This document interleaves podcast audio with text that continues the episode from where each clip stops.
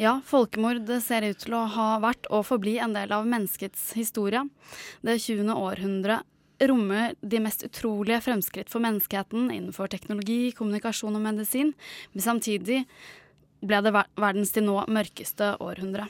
Hvorfor ble det slik, og hva finnes av mekanismer for å forebygge folkemord i fremtiden? Bernt Hagtvedt, du er professor i statsvitenskap og har siden 2002 undervist i faget folkemord og politisk massevold i det 20. århundre på Universitetet i Oslo. Tross emnets altså svært dystre tema har faget alltid vært veldig populært og nærmest opparbeidet seg et kultstatus blant noen. Velkommen skal du være. Takk. Men nå er det altså ubønnhørlig slutt. Faget legges ned, um, og du forvises til eh, pensjonslivet, mer eller mindre. Det er ikke noe jeg vil. Jeg blir tvunget. Hvordan har disse årene vært? De har vært veldig interessante, fordi studentene har jo møtt opp i store skarer. De har vært eh, ganske energiske. Vi leser jo fire ganger mer enn vanlig universitetskurs. Vi møtes to ganger i uken, reiser til Berlin og film. Det har ikke vært noen klager på arbeidsmengden. For vi har vært helt klar på hva forventningene er, og vi forsøker å følge opp da med klokkeundervisning og, og gjesteforelesere. Ekstremt eh, viktig fag. Jeg syns det. Noe ethvert universitet bør undervise i, kanskje? Ja, vi har fått folk fra Sverige, fordi man har ikke tilsvarende, noe tilsvarende ved svenske universiteter. Men Også fra Danmark, mm. faktisk. Mm. Men har faget et, et personlig side? Altså et slags normativt etisk side, hvor det er ment å på en måte bevisstgjøre studentene på ja, seg selv og sin moral? Ja, hvis ikke studentene endrer seg underveis og får en eh, dypere moralsk bevissthet, så har vi feilet. Mm. Så det legges det stor vekt på.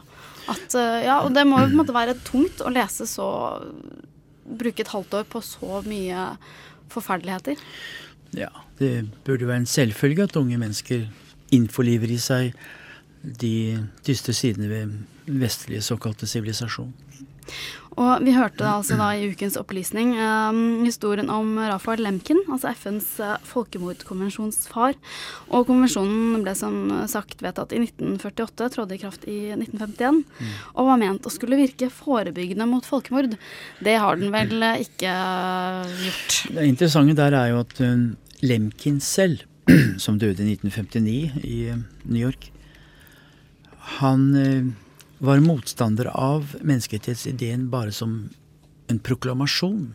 Så Verdenserklæringen for menneskerettighetene i 1948 var jo primært en proklamasjon. Som da senere ble forvandlet til internasjonalt bindende juss. Men det paradoksale var jo at verdenserklæringen, som kom dagen etter Lemkins eh, erklæring, 10.12.1948, det var den som ble normdannende, og det var den som ble mye mer effektiv enn faktisk eh, Lemkins folkemordskonvensjon.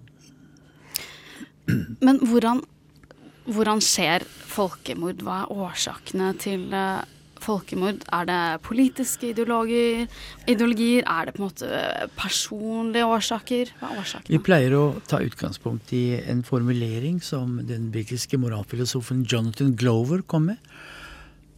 Hva er de sosiale, politiske, psykologiske og moralske forutsetningene for at enkelte grupper mennesker brennemerkes som annerledes og løftes ut av universet av moralsk forpliktelse?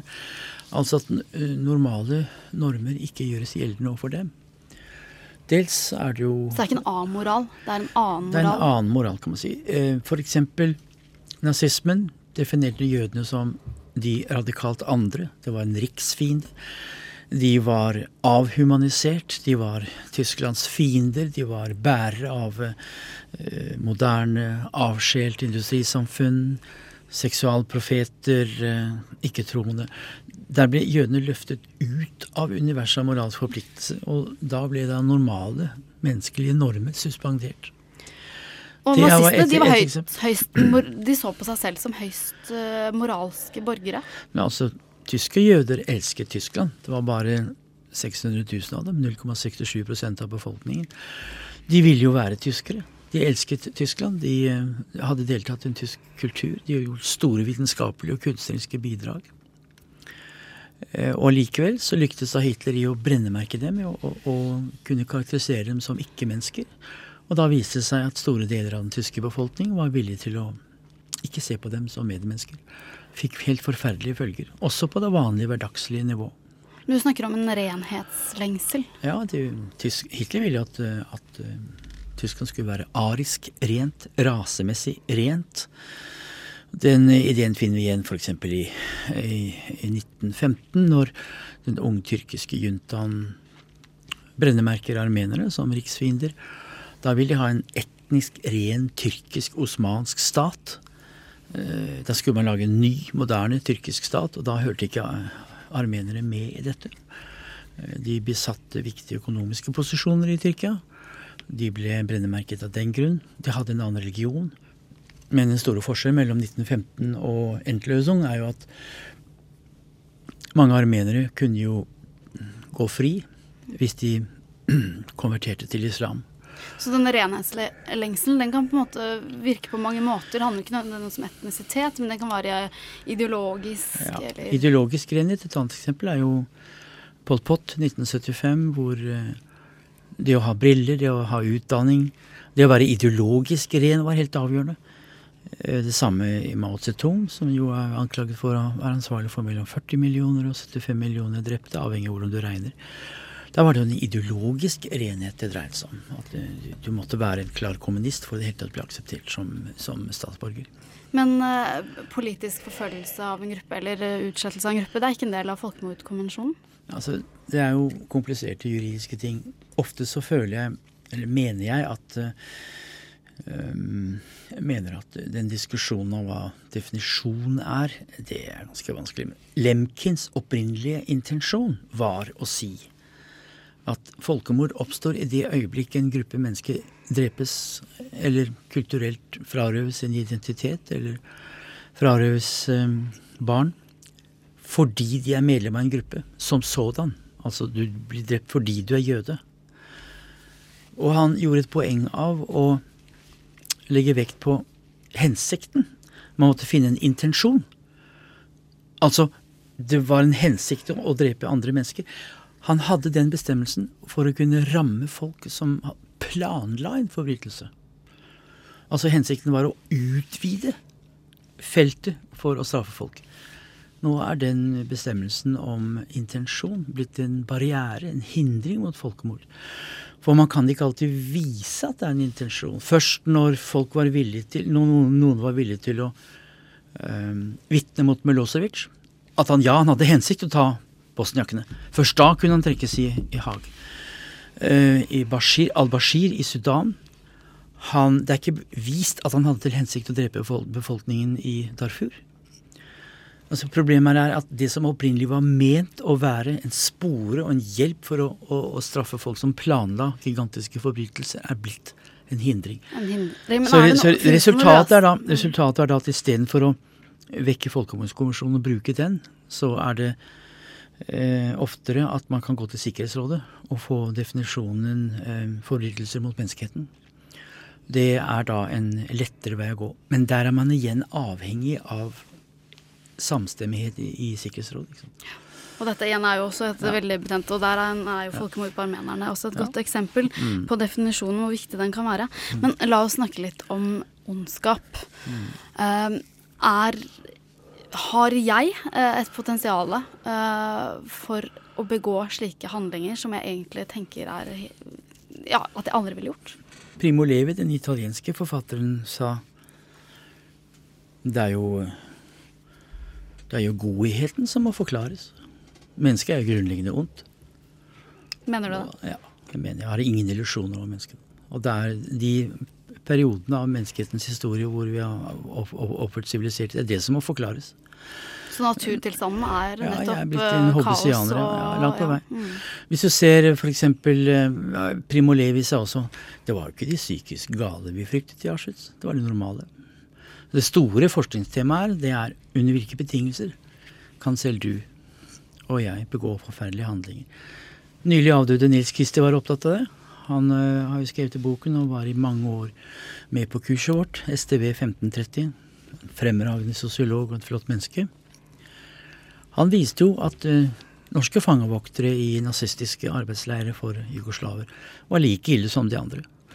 Noe av bakgrunnen var at uh, jugoslavene var utsultede. De gjorde sitt fornødne. De, de drakk hele tiden vann, så de fremsto som skitten, skittenfeldige. Men i det øyeblikk de norske fangevokterne opplevde at én fangevokter snakket norsk, og noen kanskje viste bilder av familien, så oppstod det et bånd som gjorde det mye, mye vanskeligere å avpersonalisere dem. Det er Nils Kristis store undersøkelse fra 48. Og sånn er det vel med Det også handler om ondskapens banalitet. Ja, der, ja, er det dette som ligger i det begrepet? Vel, vel, altså det er et vanskelig begrep. Men jeg vil si jeg tror de fleste mennesker kan drives til å gjøre forferdelige ting. Det interessante spørsmålet er hvorfor er det noen som reagerer? Hvorfor er det noen som har moralsk kvalitet og styrke til å si nei? Det er det store. Hvordan og hvorfor oppstår Nelson Mandela? Hvorfor oppstår f.eks. Eh, folk som skjulte jødene i Frankrike eller i Berlin? De gode hjelpere. Hvordan, hva kan det komme av at Paul Grünberger, en sveitsisk grensevakt som reddet 4000 jøder Hvorfor gjorde han det? Han ble spurt eh, er det ikke sånn vi sveitsere er. Altså normal. Det er altså godhetens hverdagslighet, ikke banalitet, men hverdagslighet. Mens f.eks. i landsbyen Chambon-sur-Lignon i Sør-Frankrike, rett under nesa på Vichy-Frankrike, så spurte de to hugenottiske, altså protestantiske prestene Nå må vi redde jødene. Og da ble det spurt hva ville Jesus ha gjort? Så der var begrunnelsen religiøs. Og de altså reddet 4000 jøder rett under nesa på det Vichy-politiet. Så det er forskjellige eh, begrunnelser, og man kan selv spørre hva er det som gjør at enkelte mennesker har den moralske styrken. Jeg ser Her i Norge f.eks. ser på lærernes reaksjon mot Quisling-styret. Det var noe av det flotteste som skjedde under okkupasjonen. Kirkens rolle også. Mm. Men la oss snakke litt om situasjonen i dag. Ser du trekk i dagens samfunn eller dagens Europa uh, til en sånn, en sånn, avhumanisering av noen menneskegrupper? Ja, jeg vil si at det ville vært utenkelig i 1956, da de ungarske flyktningene kom inn under grensen til Østerrike og si la dem dø. Det som man ser på dette forferdelige kommentarfeltet, la dem drukne i uh, Middelhavet. Det ville vært utenkelig. Det er klart dette har sammenheng med at det er svarte mennesker. Sånn av, andre mennesker. Det er, det er ikke oss. Eller, uh, klar avskjæring, og det er religiøse grunner. Frykten for muslimer, syrere. Vi har ikke noe ansvar for det. Det, det er deres egne tabber. Så det er, det er, det er åpenbart skjedd en brutalisering og en fanatisering. Og det er selvfølgelig ganske vanskelig å opprettholde balansen mellom humanitet og andre hensyn. Men jeg må jo si at et eh, så rikt samfunn som det norske burde jo være Og særlig fordi vi pynter oss med fjæren om å være en humanitær statsmakt. Det er jo, burde være en selvfølge at vi tok inn langt flere. Og jeg ser Noe av det mest tarvelige som har skjedd, det er jo den reaksjonen man fikk på Dalai Lama. Ingen turte å, å møte Dalai Lama. Men hva er ditt, ditt, svar? Du snakker om en pluralisme. Eh, at vi trenger en pluralisme. Og, ja, og aksept for det annerledes. Eh, hva mener du med det? Ja, altså i en verden som blir mer og mer globalisert, hvor du ikke kan stoppe flyktningstrømmer, og hvor kommunikasjon sender signaler fra andre kulturer hele tiden, så er fremtiden å ha sans for fellesskapet. Det ulike pluralistiske fellesskapet. Og se på det som en rikdomskilde. Lære av andre kulturer. Dette er ikke lett. Eh, og mitt, mitt svar på det spørsmålet er i Norge hvor går grensen mellom tankeformer og handlinger som vi må akseptere i henhold til Menneskerettighetskonvensjonen? Hvor går grensen til kulturer som er undertrykkende? Alle er enige om at kvinnelig omskjæring ikke kan forsvares under henvisning til konvensjonen. Hva med mannlig? Vanskelig spørsmål. Mm. Kvinneundertrykkelse? Kan ikke godta det. Hva med f.eks. egne moralpoliti på Grønland? Altså Hele tiden grensen mellom hva som skal aksepteres som pluralistiske kulturelle ytringer, og det som ikke skal aksepteres, må hele tiden holdes under debatt. Mm. Og det forutsetter et uh, høyt kunnskapsnivå blant folk. Og det forutsetter forskning og ikke minst demokratisk beredskap i skolen. Og det blir en veldig interessant tid framover å følge det. Det syns jeg var en eh, fin eh, avslutning. Eh, takk til deg, Bernt eh, Hagtvedt. Du er altså eh, professor i statsvitenskap ved Universitetet i Oslo. Og jeg kan sikkert takke på vegne av mange studenter også for en flott innsats på dette feltet. Takk til Tusen deg. takk.